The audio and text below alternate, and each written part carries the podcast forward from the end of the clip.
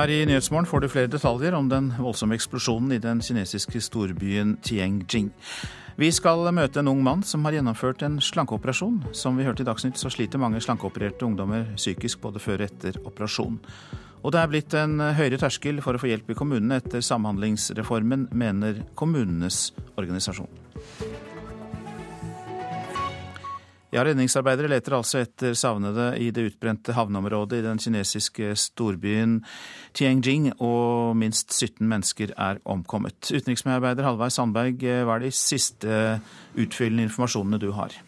Det siste er at disse redningsarbeiderne skal bli, bli, trukket vekk fra området i nærheten av eksplosjonspunktet, for de frykter at det skal eksplodere mer der. Når vi ser på videobildene, så er det jo enorme mengder med materiale som blir slengt veldig langt eh, av gårde. Og vi er fortsatt ikke sikre på hva som var inne i dette varehuset som eh, eksploderte. Det blir fortalt at det var en eh, forsyning av eksplosivt materiale som var der, og som skal da ha eksplodert. Men det er vi da usikre på hva det materialet er, og hvorfor det eksploderte. Det vi vet, var at det var en serie av eksplosjoner som ble avsluttet med en veldig kraftig detonasjon, som har blitt eh, regnet ut at omtrent tilsvarende 18 tonn med TNT. Men det er ikke TNT som har gått av, altså som er et klassisk eksplosivt materiale. Med deg i studio så er også Henning Christoffersen. God morgen til deg. Hei. Du bor i Shanghai, er seniorrådgiver i Den Norske Veritas, men er altså hjemme på ferie nå. Du har sett bilder fra denne eksplosjonen. Har du gjort deg opp noen tanker om hva som kan ha eksplodert? Nei, det, det, er vanskelig å si hva det er. Dette er jo et stort havneområde. Tianjin er en industriby. Og, og det som eh, er her, at det er, et, det er, jo ikke et område hvor det bor veldig mange mennesker, men det er et stort uh, industriområde hvor det lagres veldig mye kjemikalier og potensielt uh, eksplosiver. Men hva som har skjedd, det, det, vet vi ikke. Og så vidt jeg har forstått nå, så har heller ikke kinesiske myndigheter bekreftet uh, hva som er årsaken. Halvard Sandberg, hvordan håndterer kinesiske myndigheter vanligvis slike katastrofer som dette nå?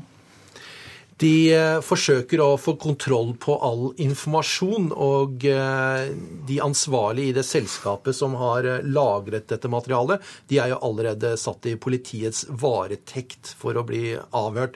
Det betyr ikke at de nødvendigvis vil bli straffet, men det er fordi at nå skal de avhøres. En interessant observasjon her er at den lokale TV-stasjonene i byen de sender fortsatt tegnefilmer. De har ikke fått lov til å sende direkte fra eksplosjonspunktet, noe de søkte om nesten øyeblikkelig. Uh, Henning Kristoffersen, Er det fortsatt slik i Kina at det legges lokk på informasjoner i slike saker, eller er det slik at uh, sosiale medier gjør at uh, informasjonen likevel kommer ut? Altså Legge lokk på det er eh, nærmest umulig i Kina i dag. Dette er, dette er, eh, overalt i kinesiske medier, det er i sosiale medier. Men det er, eh, det er sensitivt nå, for, å, for man vet ikke hva som faktisk har skjedd. Og det er nok den biten som kinesiske myndigheter vil ha mye mer oversikt over før de selv går ut og forklarer noe. Og da er det jo sånn i Kina at uh, man vil holde an uh, noe, det man kan, før, så, ikke, så, ikke, så det styrer informasjonen så godt de kan. Men å legge lokk på noe sånt som dette her, det er, det er nå helt umulig. Ja, for Sandberg, Det har ikke vært noen pressekonferanser eller noen politikere eller ordførere som har stått fram og og, og, i mediene i denne saken? Altså Det eneste vi har fått inn her nå på morgentimene og løpet av natten, er intervjuer med skadde på sykehusene. Det er selv ikke en lege som har uttalt seg i det materialet vi har. Eh, nå blir det fortalt mye på kinesisk eh, fjernsyn, men det er mer beskrivende av hva folk eh, ser. Eh, det som er interessant her, er etter hvert å finne ut av eh, hvor, hva slags sikkerhetsrutiner eh, det skal være på plass i et sånt område når man behandler slike materialer. Mm. Du har jobbet med helse, miljø og sikkerhet i Veritas, Henning Christoffersen. Hvordan forholder kineserne seg til det, la sammenlignet med det vi gjør i Europa f.eks.? De eh, forholder seg skal vi si, mer og mer aktivt til det. det. Det, kommer til å bli masse spørsmål her i ettertid, og befolkningen selvfølgelig i Tianjin kommer til å ha masse spørsmål til myndighetene eh, rundt hva som er årsaken. Kinesiske myndigheter har hatt et voldsomt fokus på sikkerhet innenfor eh, industri, både internasjonal industri og egen industri, i mange mange år. Men det er en økonomi som har vokst voldsomt på 30 år. Så, så, at det er en risiko i sånne områder som dette her, det viser seg da tydeligvis at det er. Så de, de, kommer til å ha mye å, å, å svare for da, i tiden fremover. Ja. Mm. Eh, Halvard Sandberg, dette er jo radio. Noen av våre lyttere har kanskje hatt oppe mobiltelefon eller nettbrett og sett disse bildene. Men eh, vi trenger vel også en liten beskrivelse fra deg om hvordan dette området nå ser ut. For det har jo vært en helt ufattelig stor eksplosjon. Det er en veldig eh, stor eksplosjon. Når du ser videoen av selve eksplosjonstidspunktet på den store, så ser du en kraftig sjokkbølge som går ut. Det er store mengder materiale, uforbrent materiale som blir slengt av gårde. En AFP-reporter på stedet forteller at det, det, er funnet glass i gatene tre kilometer utenfor eh, eksplosjonspunktet. De siste bildene som kommer nå, vi får altså ikke direkte bilder, er at det siver røyk opp fra området fortsatt. Jeg kan ikke se noen åpne flammer. Men det er vel eh, Sett i forhold til at det er en så kraftig eksplosjon så langt, ikke så veldig mange omkomne. Altså 17 er det som er registrert. Hva mener dere om det? Det er 400 skadde og 17 omkommet. Eh, Glassplinter kan forklare hvorfor det er så veldig mange skader. Folk hører en eksplosjon, går til vinduet, det er midt på natten. Eh, de ser ut, og så får de eh, ansiktet og kroppen fulle av glassplinter. Ja, nei, Det er akkurat det. Det skjer midt på natten i et stort industriområde, og det er ikke veldig mange eh, mennesker der da. Men det sier jo noe om at folk kan bli skadet langt unna. Og det er jo det som gjør at folk etterpå vil ha masse spørsmål av det, for de vil jo vite om de er sikre der de bor, og hva myndighetene har tenkt å gjøre med det etterpå. Så, mm, ja, så mm, det er det et voldsomt fokus på. Mange takk skal eh, dere ha. Det var eh, Henning Christoffersen du hørte der, som bor i Shanghai og er seniorrådgiver i Det Norske Veritas og er hjemme i Norge nå, og vår egen utenriksmedarbeider Halvard Sandberg. Det siste året har eh, IS-medlemmer eller sympatisører stått bak 26 terrorplott i vestlige land. Det er 80% av alle angrep eller planer om terrorangrep det siste året. Men eh, dersom terrorgruppa virkelig bestemmer seg for å angripe, så kommer det til å bli enda verre, sier forsker. Yes, speech, but... I København. Et debattmøte om ytringsfrihet blir skutt i stykker av en IS-sympatisør.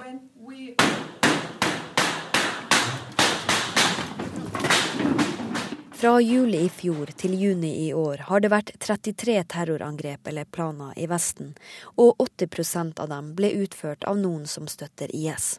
Det viser jo at eh, IS eh, har vært effektive, sannsynligvis mer effektive enn Al Qaida, eh, når det gjelder å, å nå ut til sympatisører i Vesten for å påvirke de til å, til å gjennomføre terrorhandlinger sier Petter Nesser ved Forsvarets forskningsinstitutt.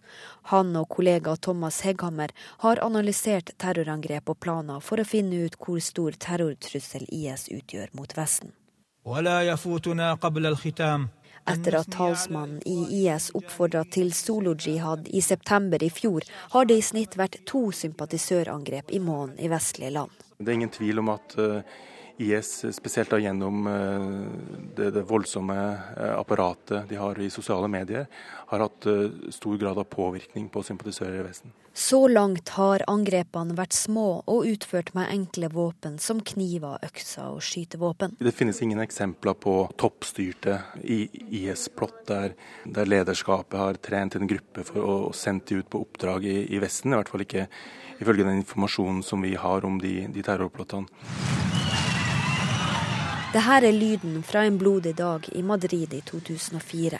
191 mennesker ble drept i det dødeligste terrorangrepet i Europa siden 1998. Men store angrep som det her, bombene i London og 11.9, har latt vente på seg. Nesser forklarer det med at IS sitt hovedfokus har vært å holde på områdene de har erobra i Syria og Irak. Det er nok eh, der mesteparten av ressursene uh, har gått inn fram til nå. Eh, samtidig så, så, er jo det at eh, organisasjonen er såpass sterk og har mye penger og har så mye kapasitet, er jo også noe som da peker mot at hvis nå de skulle endre strategi og sette inn mer på å gjøre ting internasjonalt, så vil det da også kunne utgjøre en eh, nokså formidabel trussel. Og reporter her var Kristine Svendsen. Minst 60 mennesker er drept og 200 såret av en kraftig bilbombe i Sadr-området i Bagdad, opplyser politi og sykehuskilder i den irakiske hovedstaden.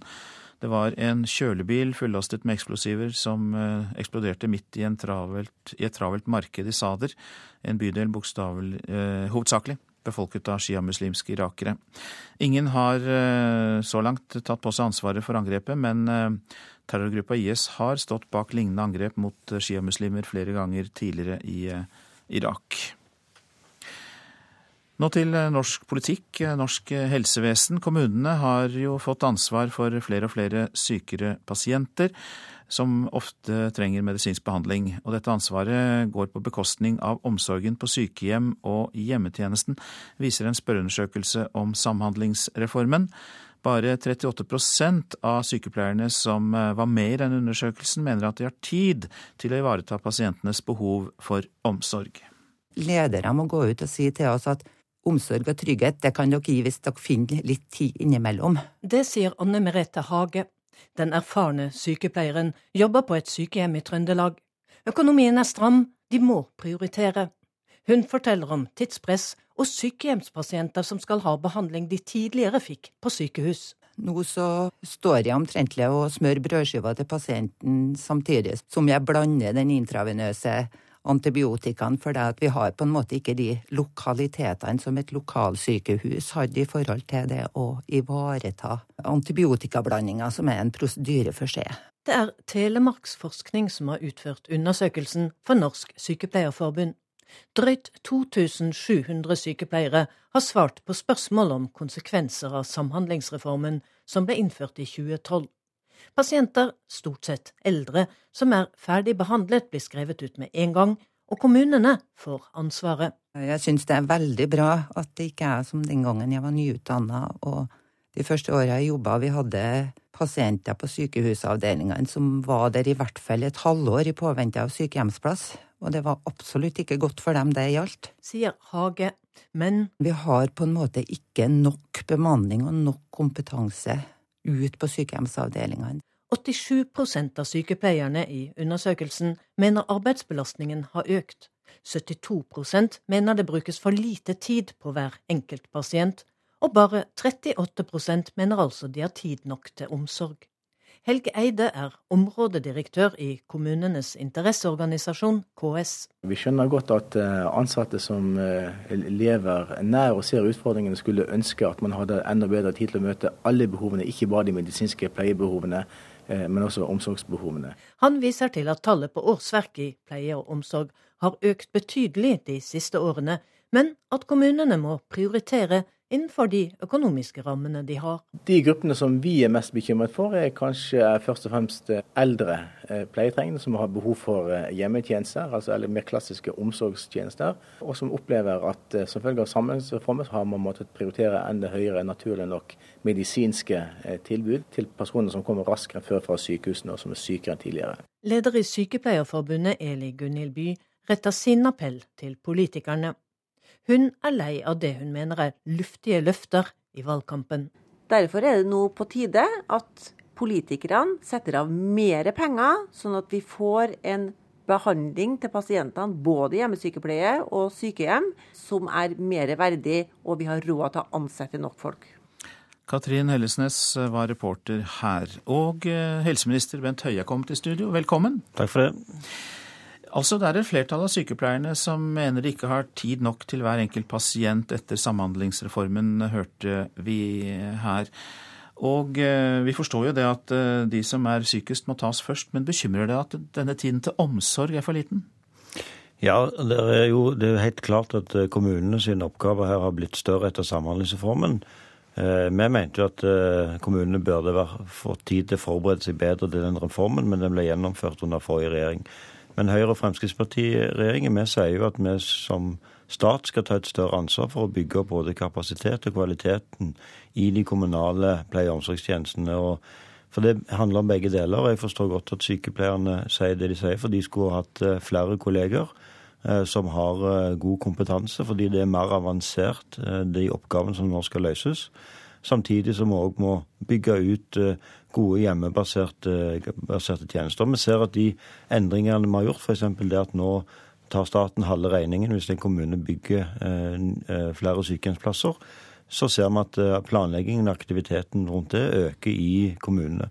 Og vi gir òg betydelige beløp nå til å heve kompetansen. Fortsatt er det nærmere 40% av de som jobber i disse tjenestene, som, som har behov for å ha en etter- og videreutdanning. Og det er òg viktig i dette. For det handler Selvfølgelig har vi penger om å øke kommunenes budsjetter, men det handler òg om måten en jobber på. Spesielt i de hjemmebaserte tjenestene så er det behov for mer av det som vi kaller for hverdagsrehabilitering.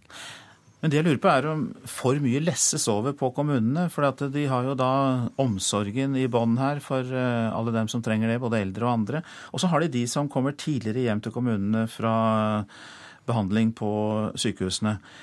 Har vi lessa for mye over på kommunene? Burde vi ikke heller hatt flere lokalsykehus f.eks.? Nei, jeg syns eh, sykepleieren som ble intervjua her i innslaget var veldig klok. For hun sa at eh, hun ville ikke tilbake igjen til den tiden der eldre lå på sykehus gjerne opp mot et halvt år og Hvorfor vil du ikke det? Nei, det er nettopp fordi at å ligge på sykehus det er veldig passiviserende. Da vil en fort oppleve at eh, helsen blir dårligere og dårligere, fordi en har ikke muligheten til den type aktiviteter. Eh, det å få den type rehabilitering som en nå får i kommunen. Så for pasienten sitt ståsted så er det bedre å komme ut i kommunen, men det forutsetter Men lover du penger, flere penger til denne ja, omsorgsvirksomheten? Det gjør vi. Og, og, men det, det handler både om penger, men det handler òg om om kompetanse, om ledelse og jobbe på eh, nye måter. Og Det er det veldig mange kommuner som òg er godt i gang med. Hvor konkret eh, kan man bli for å fortelle hvilke nye måter man skal, jobbe, man skal jobbe på? Du får en sjanse til det til slutt, for det er ikke bare penger, det er altså en måte å jobbe på. Ja, Det handler f.eks. om det en har gjort i Arendal, i Bodø, i Stavanger, der en eh, starter eh, når en ser at, en, at helsa som følge av alderdommen begynner å svikte, så får en god intensiv rehabilitering, trening med fysioterapeut, med flinke sykepleiere, sånn at en holder seg i aktivitet og ikke kommer inn i en negativ spiral der, der helsen blir dårligere og dårligere, men uh, klarer seg godt sjøl. Det ser vi jo at de som får det, er veldig veldig fornøyd. For de fleste av oss ønsker jo å bo hjemme så lenge som mulig, og vi ønsker å klare oss godt uh, sjøl, og så må man være trygg på at en får hjelp når en har behov for det. Takk skal du ha, helseminister uh, Bent Høie.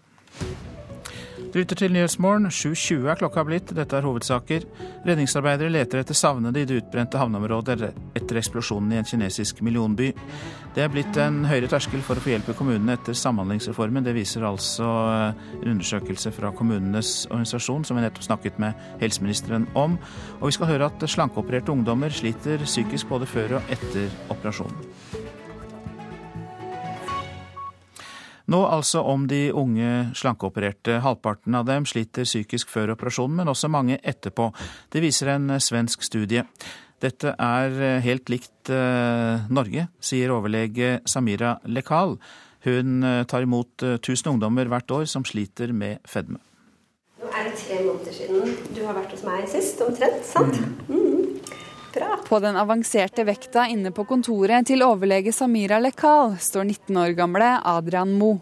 Vekt har vært et problem for Adrian helt siden han var liten, og for to år siden fikk han en slankeoperasjon. En studie fra Sverige som er verdens mest omfattende oppfølging av slankeopererte ungdommer, viser at halvparten har det svært tøft psykisk før operasjonen. Dårlig selvbilde og lave tanker om seg selv var også hverdagen for Adrian. Han likte ikke å se sitt eget speilbilde. Jeg så noe som, noe som jeg så ser som ekkelt, da, på en måte. For å si det sånn. At det var unormalt. Jeg hadde veldig lav selv, selvfølelse da jeg vokste opp. Sykehuset i Tønsberg er det eneste stedet hvor ungdommer slankeopereres i Norge. Der leder Samira Lekal barne- og ungdomsseksjonen på Senter for sykelig overvekt. Hun ser mange ungdommer som sliter mentalt, og kjenner seg igjen i funnene fra Sverige. Overlegen tar imot 1000 nye ungdommer hvert år, men totalt er det bare 25 ungdommer som har blitt operert i Norge. Omtrentlig halvparten, også hos oss, har kjent psykisk sykdom. Hos noen ungdommer så ser vi at de er så psykisk sårbare at vi rett og slett mener at det er uforsvarlig å tilby operasjon, til tross for at de har alvorlig fedme og kanskje også følgesykdom. Operasjonen gastric bypass vil si at magesekken blir gjort mye mindre, og at en del av tynntarmen klippes bort. Dette gjør man for at man skal tåle mindre mat. Likevel er ikke det å bli tynnere sammenfallende med det å få det bra. På sykehuset i Vestfold følger de opp ungdommene i ti år gjennom prosjektet 4XL. Dette for å avklare om kirurgisk behandling gir større helsegevinst enn en livsstilsendring. Man kan få noe hjelp til å håndtere det som er vanskelig i livet. Men en overvektsoperasjon tar jo ikke vekk eh, alt som er vanskelig. Vi opererer magen og ikke hjerte og hode. Selv om Adrian har fått det bedre med seg selv, viser resultatene fra den svenske studien at hele én av fem fortsatt har det tøft i etterkant. Det er et fåtall hvor overvektsoperasjon før fylte 18 hvor det er riktig.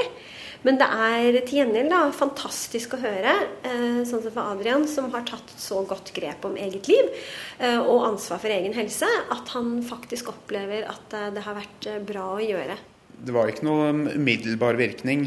Det tok fortsatt et par måneder før jeg begynte å se, se endringene i speilet. da.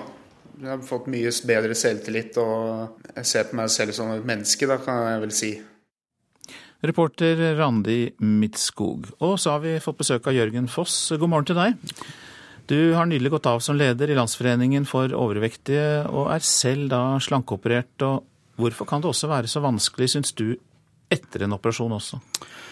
Det er jo fordi at uh, veldig mange dessverre tror at dette er en quick fix-løsning uh, til både lykke og glede og, og alt det positive. En fedmeoperasjon er, en, uh, er, et, er, et, verktøy for å hjelpe deg til en vektreduksjon, slik at du skal få et enklere liv.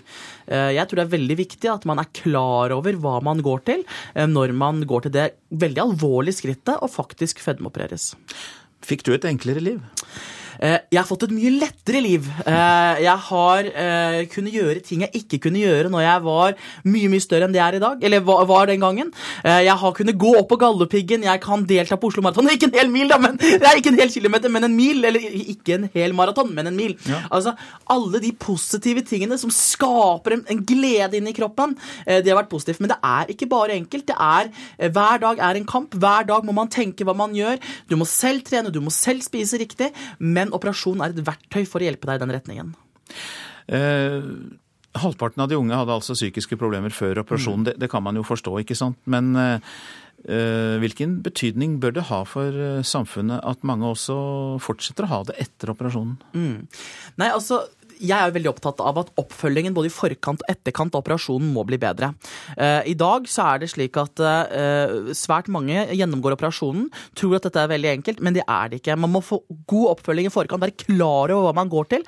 Derfor er det viktig at det er god behandling i forkant. Du kan ikke bare si at eh, vet du hva, nå trenger jeg en operasjon, og så blir du operert på fredag. Sånn går det ikke. Det må være en lang prosess, en god prosess, der du forbereder kroppen, forbereder deg på hva du skal gjennomgå.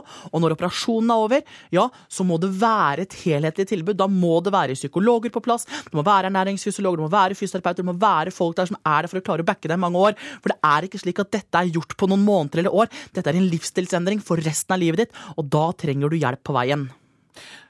Fins det noen som ikke burde ta en slik operasjon? Helt klart. Eh, fordi at eh, det er en, et så stort inngrepen. Det skjer så mange endringer i kroppen din, i livet ditt, eh, at du må være så hva skal vi si, så klar for det.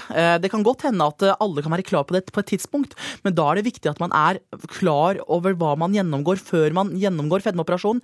Jeg tror ikke det er alle som er klare for det når de blir operert i dag. Derfor må behandlingen i forkant operasjon, etterkant, bli betraktelig bedre. Det er ikke godt nok slik det er i dag. og jeg er redd for at mange får en stor fysisk og psykisk knekk etter en slik operasjon, nettopp fordi man ikke er klar over hva man går til. Mange tror at dette er en lettvint løsning. Det er det overhodet ikke. Det er en hard prosess. Altså, du, du, skal, du skal gjennomgå ditt din største endring i livet noen gang. Du blir et annet menneske, både fysisk og psykisk. Det må man være klar over.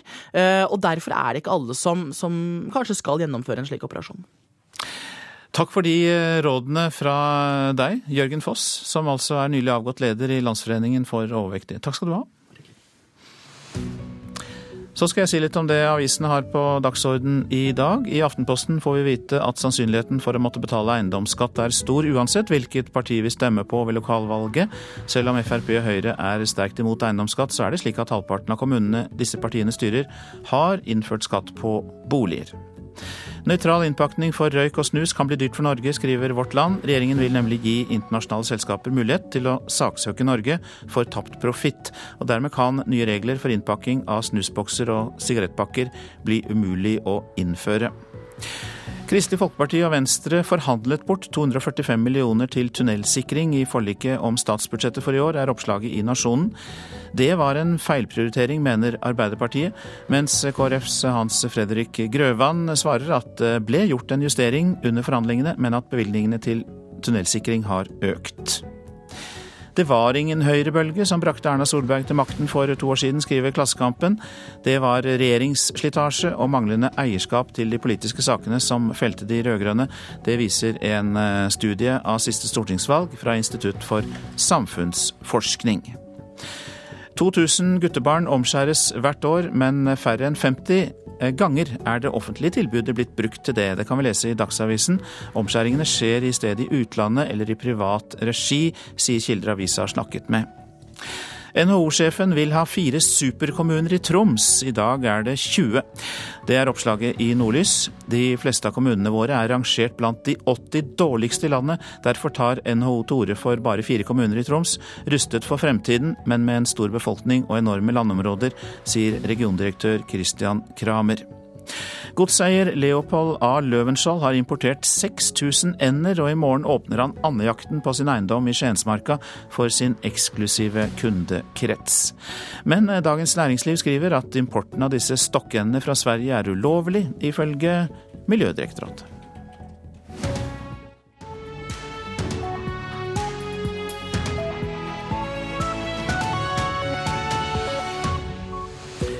Her i Nyhetsmorgen får du flere og oppdaterte informasjoner om eksplosjonen i Kina. Minst 60 mennesker er drept og 200 såret etter at en kraftig bilbombe gikk av i Bagdad. Flere og sykere pasienter til kommunene går på bekostning av det lokale omsorgsarbeidet, viser ny undersøkelse. Og hvis vi kaster 25% mindre mat, hadde det vært nok mat til alle mennesker i verden. Fremtiden i våre hender forteller her i Nyhetsmorgen hva de mener vi bør gjøre.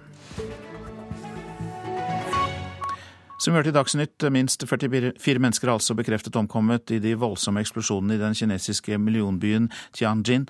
Og utenriksmedarbeider Halvard Sandberg, hva er de siste informasjonene du har om omkomne, skadde og savnede? Vi vet at de nærmeste til eksplosjonspunktet var over 1000 brannfolk som hadde rykket inn etter den første av en serie eksplosjoner. Og de var jo der når den enorme eksplosjonen kom, som vi har sett bilder av denne enorme ildkulen som var over 100 meter i eh, størrelse.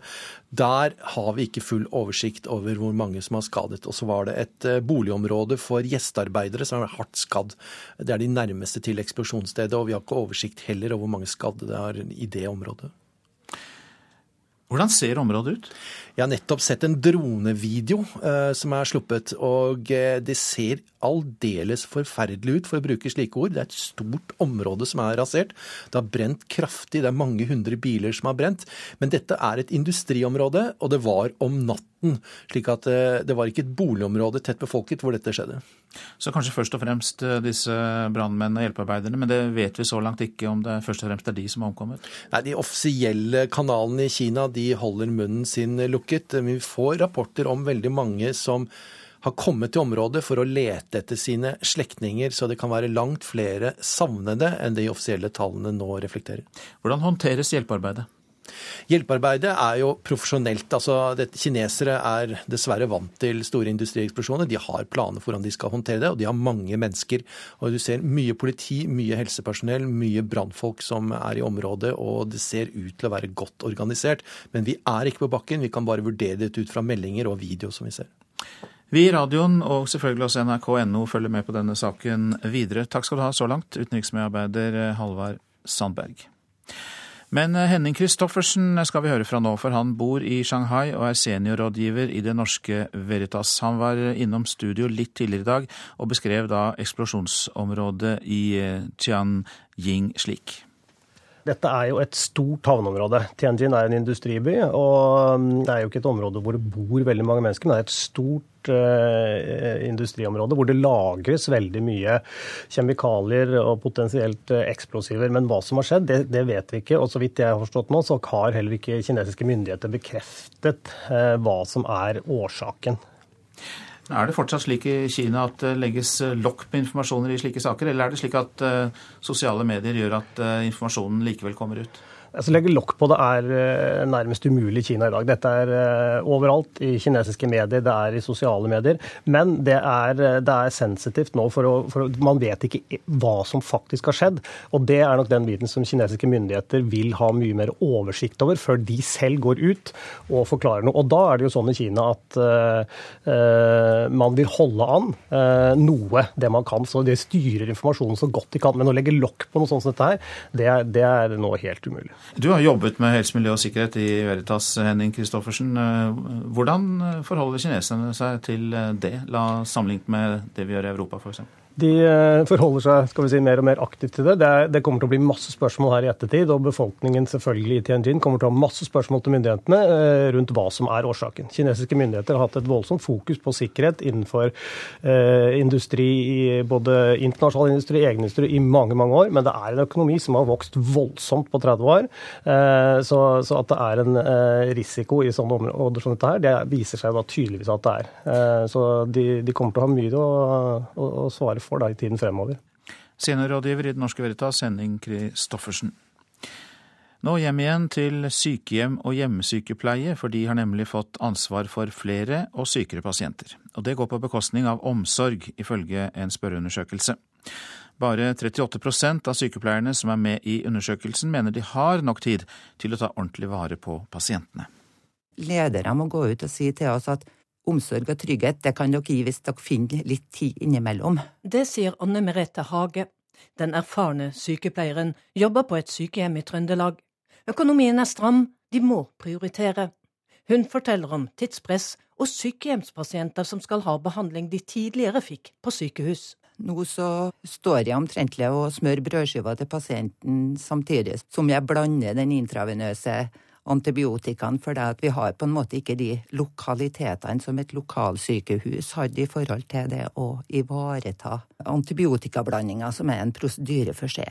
Det er Telemarksforskning som har utført undersøkelsen for Norsk Sykepleierforbund.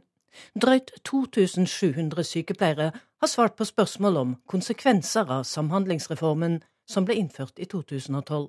Pasienter, stort sett eldre som ikke må ligge på sykehus, blir skrevet ut, og kommunene får ansvaret.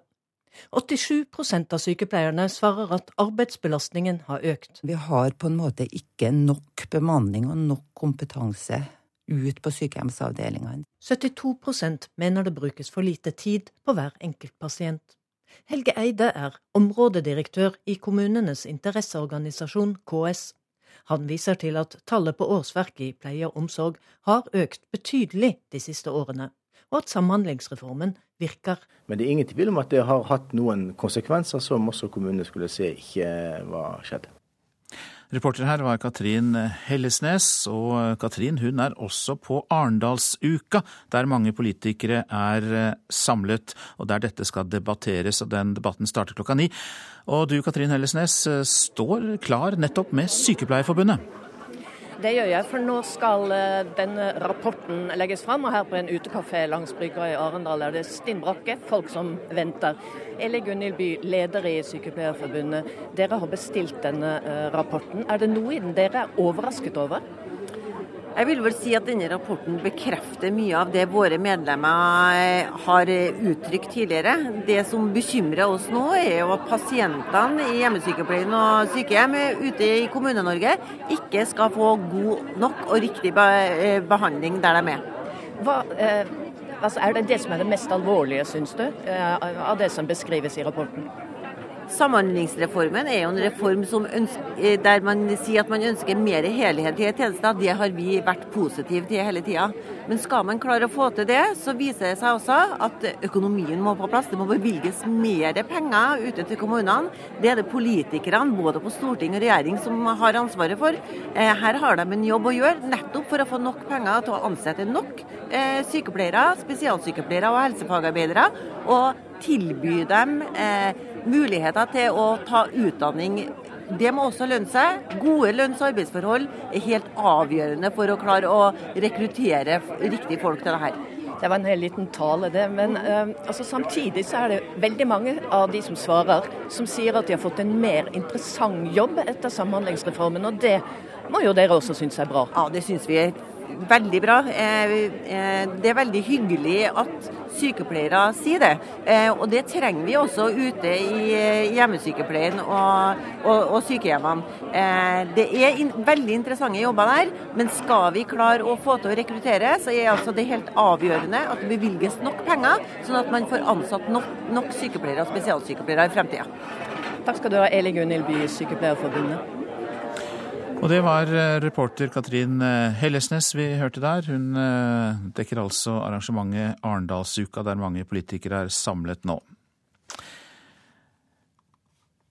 Minst 60 personer er drept og 200 såret i Irak etter at en kraftig bilbombe har gått av i hovedstaden Bagdad. Det opplyser politi og sykehuskilder. Ingen har foreløpig tatt på seg ansvaret for angrepet. En kjølebil fullastet med eksplosiver kjørte inn i et travelt marked i Sader, en bydel i Bagdad som hovedsakelig er befolket av sjiamuslimske irakere.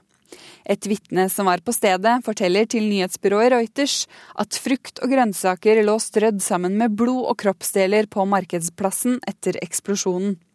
Minst 60 personer er drept og over 200 skal være såret etter angrepet, som er et av de største angrepene i Bagdad etter at Haider al-Abadi tok over som statsminister for et år siden.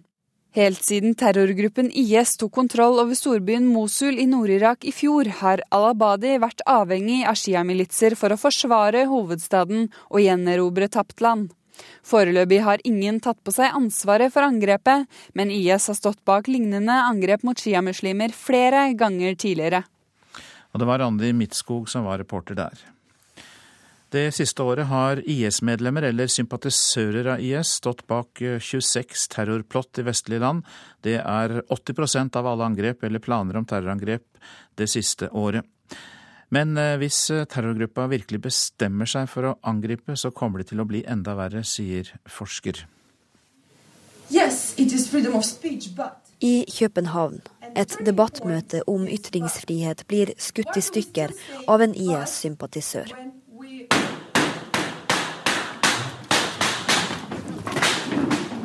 Fra juli i fjor til juni i år har det vært 33 terrorangrep eller planer i Vesten, og 80% av dem ble utført av noen som støtter IS.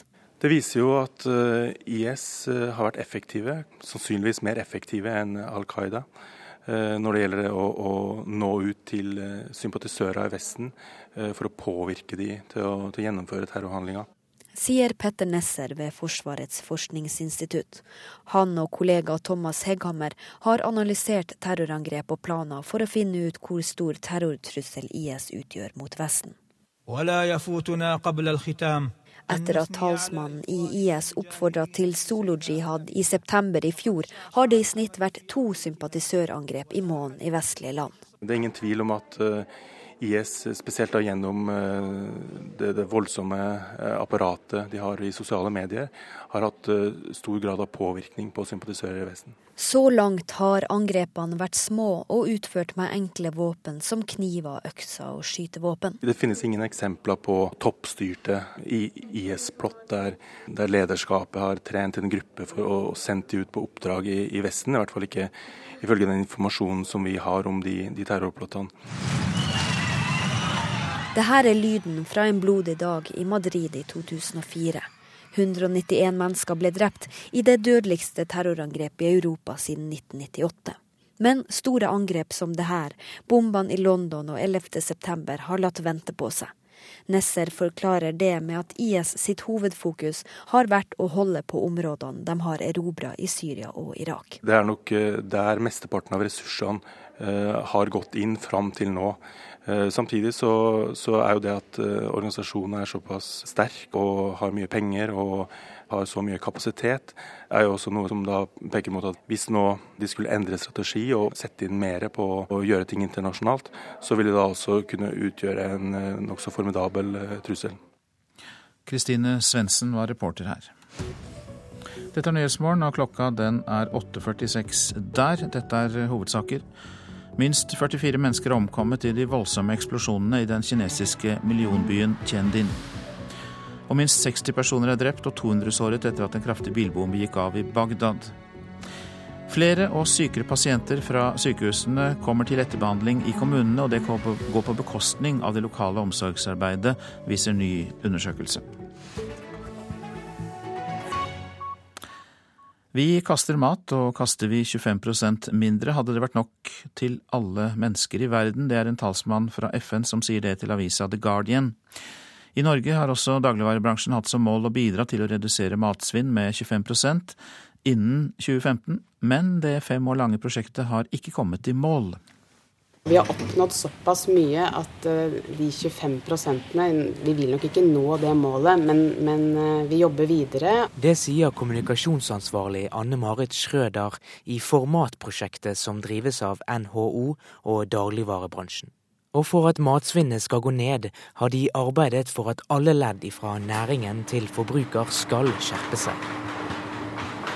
Kjøpmannen Mehmet Tekims har arbeidet med dagligvarer i 22 år. I sin Rema 1000-butikk i Oslo er han opptatt av å prise ned varer som er i ferd med å gå ut på dato. Men det kan bli bedre. Vi har, eh, vi har mye å gå på. Når det gjelder matsvinn, så har vi utrolig mye å gå på. Eh, jeg kan ta et eksempel. Eh, biffer som går ut på dato. De er like bra som varer som ikke har gått på dato. I en artikkel i avisen The Guardian sier FN-koordinator Robert van Otterdijk at matsvinn ikke eksisterer i utviklingsland. FN hevder at en fjerdedel av maten som kastes er nok til at ingen på jorden ville sultet. Når man vet at opp mot en tredjedel av den maten som blir produsert i verden, kastes, samtidig som at én milliard mennesker enten sulter eller er feilernærte, så er det, er det noe som ikke stemmer. Så det må vi gjøre noe med. For det kastes 22 millioner tonn mat hvert år bare i EU, og i snitt kaster hver nordmann 46 kilo i året. Og hvordan føles det? Det føles dårlig. Hvis man ikke er helt flink å sjekke datoen på særlig kjøtt og fisk og melk så går det ofte i søpla. Ja, det er definitivt eh, meieriprodukter. Fordi det føler man eh, kan bli dårlig relativt fort.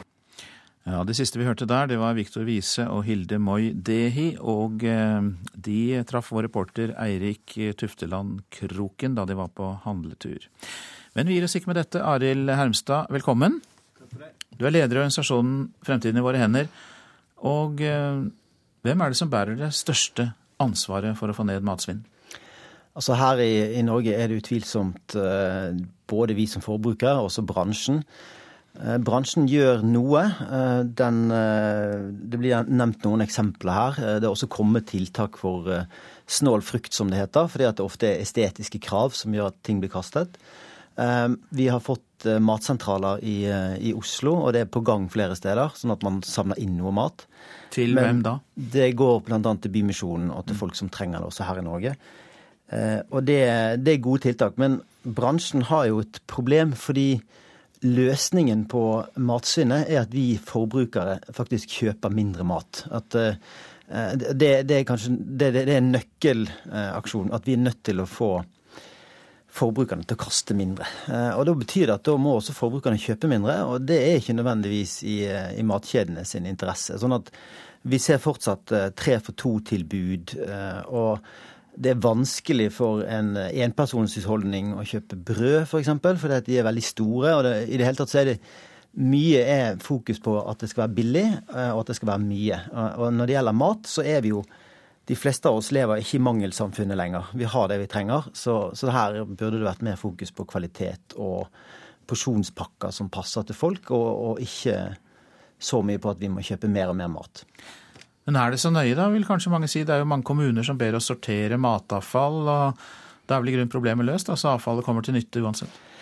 Eh, det er jo en forbedring at vi, vi hiver ikke det på fyllingen lenger. At man kan utnytte det som ressurser. Men det store miljøavtrykket fra maten kommer fra produksjonen. Eh, og hvis vi hadde kuttet alt matsvinn i verden, altså hvis vi klarte å fjerne all matsvinn, så ville de globale klimagassutslippene falt med mellom 7 og 8 eh, Og det vil si, det, er like mye som om vi halverte all bilkjøring, flykjøring osv. Så det er enorme ressurser som er på avveie. Eh, vi ødelegger verdens tropiske skoger. Eh, vi overutnytter vannet, og alt dette da, eller mye av dette for å produsere mat som ingen skal spise. Så det er en eh, Jeg mener at vi som forbrukere har et ganske stort ansvar for å bidra til mindre matsvinn. Så vi skulle gjerne sett mer eh, kampanjer for å få ned matsvinnet her i Norge blant, blant husholdningene også. Ja, men det du er opptatt av, er jo kanskje forbruket først og fremst. Det har jo fremtiden i våre, verden, fremtiden i våre hender vært hele tiden. Mm. Eh, så egentlig så vil du presse oss til å kjøpe mindre mat, og kanskje en annen type mat. Jeg tror ikke press nødvendigvis virker så godt, men eh, man kan jo huske på en del ting når man går på butikken. F.eks. at eh, hvis du er veldig sulten idet du går inn på butikken, så kjøper du mye mer enn hvis du er litt mett. Eh, okay. Spis, så eh, det, det, det, er masse tips spis, man kan gjøre. Spis før du går på butikken, ok. Ja. ja en annen ting som, som, vi kan gjøre, er jo å være litt kreativ med restene våre. Ta de med til lunsj dagen etterpå. Eh, mange har fryseboks. Du kan fryse ned det du ikke spiser. og eh, det litt kjedelige budskapet er at man kan planlegge litt mer, da. Og det, det er ikke alle som liker det. Men, men, men, jeg tror nok at eh, å veilede forbrukerne dette med lukt og smak, og at maten er ikke nødvendigvis dårlig fordi den har gått ut på dato. Så det, det er veldig mye forbrukerne kan være klar over. Vi tar med oss det videre. Arild Hermstad, leder i organisasjonen Fremtiden i våre hender. Takk skal du ha. Nå om brannsjefer i Sogn og Fjordane som sitter med ansvar for mange lange og gamle tunneler, men må klare seg uten nødnett under en brann. Og nettopp det nye nødnettet i Gudvangatunnelen får gode skussmål nå. For det hadde stor betydning for arbeidet under brannen tirsdag. Andre brannsjefer må ta til takke med det de kaller en reserveløsning.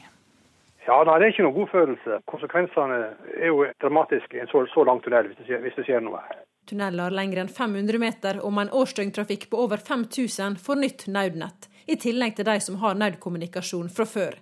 Den 7,5 km lange Høyangertunnelen får det ikke. Det er nesten helt utrolig, syns jeg. Det nye nødnettet var på plass i Gudvangatunnelen, og blir av flere trukket fram som viktig i redningsarbeidet. En av de viktigste forskjellene fra to år siden er at en nå har nødnett, som jo gjør at de ulike nødetatene kan kommunisere mye bedre sammen. Sa statsråd Bent Høie etter å ha blitt orientert om tunnelbrannen i Aurland i går. Brannsjef Jarle Drage Sete i Stryn må klare seg uten nødnett i tre lengre tunneler på Strynefjellet. Da blir vi litt handikappa oppi der. Silje Guddal eh, var eh, reporter.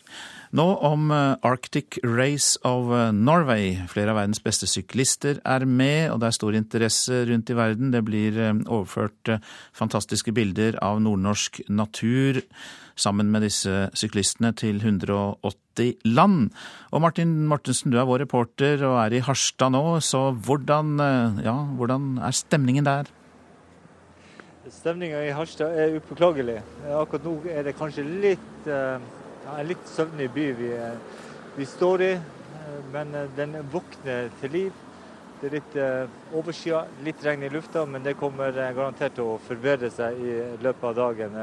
Jeg klarte å få tak i Knut eh, Erik Dybdahl, daglig leder, som eh, skal i et møte om få minutter. Og eh, hvordan er stemninga blant dere som arrangerer? Eh, nei, Akkurat nå så følte jeg på frokosten veldig tidlig i morges, og når vi hadde vår gjennomgang, så var det veldig veldig rolig. og Det ser ut som at alle vet hva de skal gjøre. Og når alle vet hva de skal gjøre, og når de skal gjøre det, så går alt sammen veldig veldig greit. Selvfølgelig så stresser man på noen områder, men det skal det alltid være når, noen timer før, før starten går. Eh, nå, hvis man ser seg rundt her i byen, og eh, man, eh, det man vet er ute i løypa, så er det utrolig mye folk som kommer til å stille opp. De kommer til å stille med sykler i alle mulige fasonger og farger. Og hvordan blir stemninga?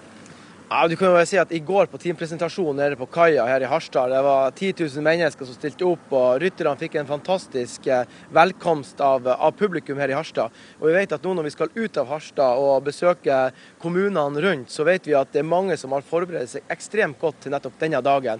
Og gleder seg til å vise fram sitt område og være med på å sette eh, preg på, på, dette sykkelrittet. Så eh, vi vet at eh, alle som har vært med på å gjøre en jobb der ute, de kommer virkelig til å markere seg i dag. Dette blir sendt til 180 eh, land. og Hvor stort apparat er det som ligger bak Arctic Race over Norway? Ja, Det er et ganske stort apparat som nå er spesielt noen som står på gjennomføring av rittet. I, I, selve vår organisasjon så er det 250 mennesker som, eh, som jobber med, med rittet. Vi er 220, unnskyld, 240 personer med timene og støtteapparatet til, til timene. Og så har vi ca. 1000 frivillige som er med på, på gjennomføring av selve arrangementet. Så det er ganske mye folk som er i sving for å få det til. Men alle sammen har sine oppgaver. Og så lenge at alle gjør sine oppgaver, så kommer vi til å få en veldig god flyt i arrangementet. Når vi snakker om TV, så er det jo, når vi sender til 180 land, så er det eh, en god markedsføring av ikke bare Nord-Norge, men hele Norge.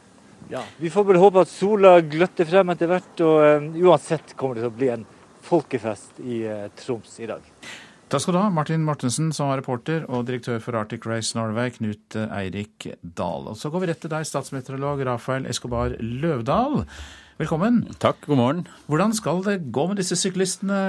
Hvordan blir været i Nord-Norge, må vi høre om en gang. Ja, Det blir jo sørvest, da. Og det heter jo ikke sydvest uten grunn. Det blir jo da regnbyger. Men selve lavtrykket som gir mest nedbør, det trekker seg jo gradvis nordover.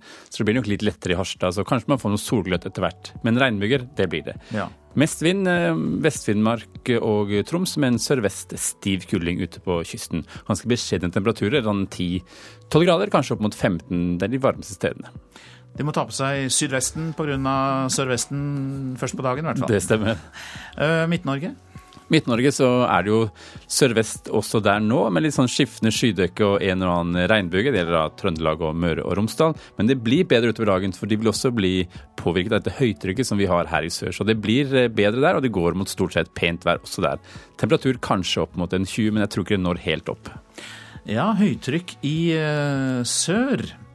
Jeg syns vi fortsatt skal spørre om badetemperaturen. Ja, ja, vi kan jo begynne med det. Østfold, Refnes gods hadde en 15 grader til morgenen i dag. Akershus, Kalvøya, der var det 19. Det er vel den varmeste jeg kunne finne. Så er det, hvis vi drar over på andre siden, Rogaland, Lysefjorden Marina i Forsand, der var det 13 grader. Så det er litt sånn beskjedne badetemperaturer, det kan man si. Men i dag så blir det jo en nordisk sommerdag med temperaturer over 20 grader veldig mange steder. Og pent vær egentlig, og rolige vindforhold, med unntak av en sø sørlig nord for Florø ca. Kan jo komme opp i en liten kuling der nord for Florø, som sagt. Men for det meste pent vær, altså. Så en fin dag. Hele Sør-Norge? Hele Sør-Norge ser ut til å få en fin dag. Oi. Takk skal du ha, statsmeteorolog Rafael Escobar Løvdahl. Da gjenstår å si at ansvarlig for radionyhetene på morgenen var Anne Skårseth. Ulf Tannes Fjell var produsent for Nyhetsmorgen. Teknisk ansvarlig Espen Hansen. Og her foran mikrofonen Øystein Heggen.